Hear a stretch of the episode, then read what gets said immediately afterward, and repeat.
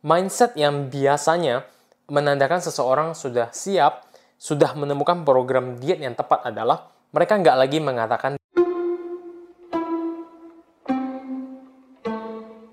Hai semuanya, selamat datang kembali di channel The Doctor's Diet. Kembali lagi di seri Ask the Doctor, di mana saya menjawab pertanyaan dari teman-teman semua dalam bentuk video seperti ini. Pertanyaan hari ini datang dari Riza Chong. Dok, tolong dong buat konten makanan buat diet ketat itu yang sehat apa aja please. Aku udah diet ketat, tapi kok BB ku tetap nggak bisa turun?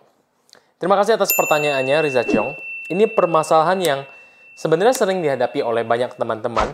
Udah diet ketat, tapi kok berat badannya itu tetap nggak bisa turun. Udah coba diet ini, udah coba diet itu, tapi berat badannya masih sama aja. Nggak turun-turun sama sekali. Terus kok bisa sih? Ada beberapa alasan yang menyebabkan kenapa berat badan Riza itu tidak turun. Atau mungkin sebenarnya turun, tapi terlihat tidak turun. Dan ini juga yang sebenarnya pernah saya bahas di video saya yang sebelumnya, bahwa berat badan itu bukan satu-satunya progres dari sebuah program diet. Bisa aja masa lemaknya itu turun, tapi masa ototnya itu naik. Jadi berat badannya itu ya terlihat sama aja. Padahal komposisi tubuh kalian itu sudah berubah.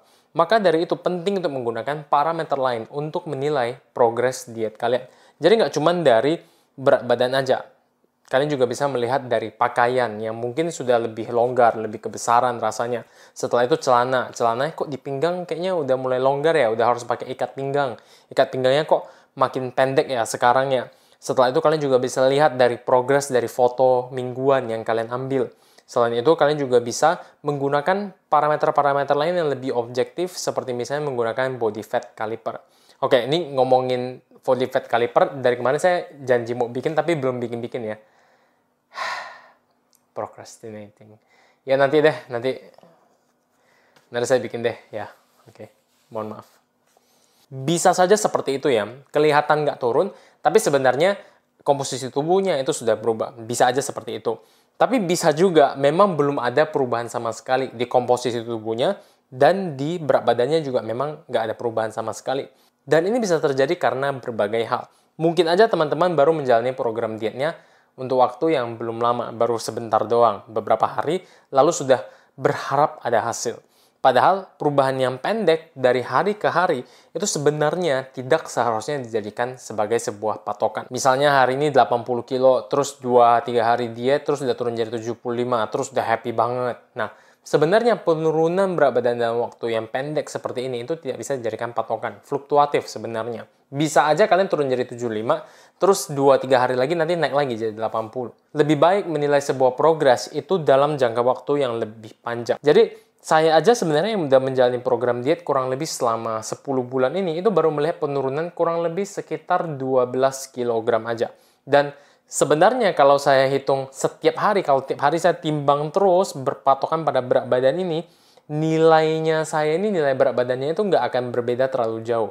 Dan kalau saya lakukan itu terus setiap hari ya pasti stres dong, ya kan? Kok nggak tambah turun ya? Padahal ya sebenarnya ada penurunan tapi belum kelihatan. Dan kalau kita lihat dalam jangka waktu yang lebih panjang, itu akan terlihat lebih baik. Alasan lain mengapa berat badannya belum turun adalah mungkin teman-teman belum menemukan diet yang tepat untuk teman-teman. Mindset yang biasanya menandakan seseorang sudah siap, sudah menemukan program diet yang tepat adalah mereka nggak lagi mengatakan diet mereka ketat. Ini yang sering saya temui dari teman-teman di YouTube, di Instagram, dan beberapa klien saya juga. Mereka yang sudah siap itu biasanya lebih bahagia, lebih happy, makannya lebih santai, dan mereka sudah tahu makanan apa sih sebenarnya yang cocok untuk mereka dan tidak cocok untuk mereka. Mereka juga mengerti penuh bahwa tidak ada makanan yang sehat dan tidak sehat. Taunya adalah bahwa pola makan mereka itu sudah cukup baik, sudah seimbang, dan mereka tahu apa sih yang mereka perlukan dan tidak mereka perlukan untuk sehari-hari. Kalau teman-teman masih berada dalam mindset diet ketat atau ada makanan yang nggak boleh saya makan dan tidak boleh saya makan selama diet, sorry to say, biasanya belum terlalu baik pola dietnya, belum terlalu pas pola dietnya. Saran saya belajar lebih banyak lagi tentang nutrisi, tentang gizi, tentang olahraga dan belajarlah dari sumber-sumber yang terpercaya. Lalu praktekkan apa yang kamu pelajari dan lakukan hal tersebut secara konsisten berulang-ulang. Sebenarnya nggak ada finish line untuk pola hidup sehat atau untuk sebuah program diet.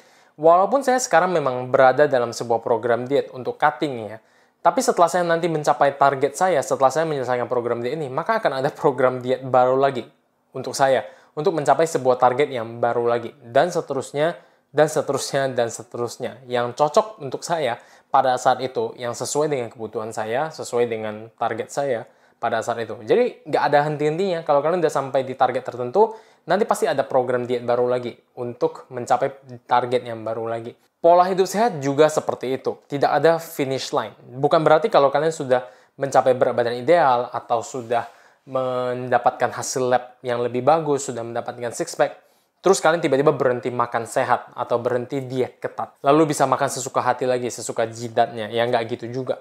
Pola hidup sehat itu dibentuk secara perlahan supaya bisa bertahan lama dan bisa kita lakukan terus-menerus sepanjang hidup kita. And that's it for my videos today. Terima kasih sudah menonton sampai di sini. Dan itu jawaban saya untuk kamu, Riza Jong. Kalau kamu masih punya pertanyaan, silahkan tanyakan di kolom komentar di bawah. Terima kasih untuk pertanyaannya. And I'll see you guys in the next video. Bye!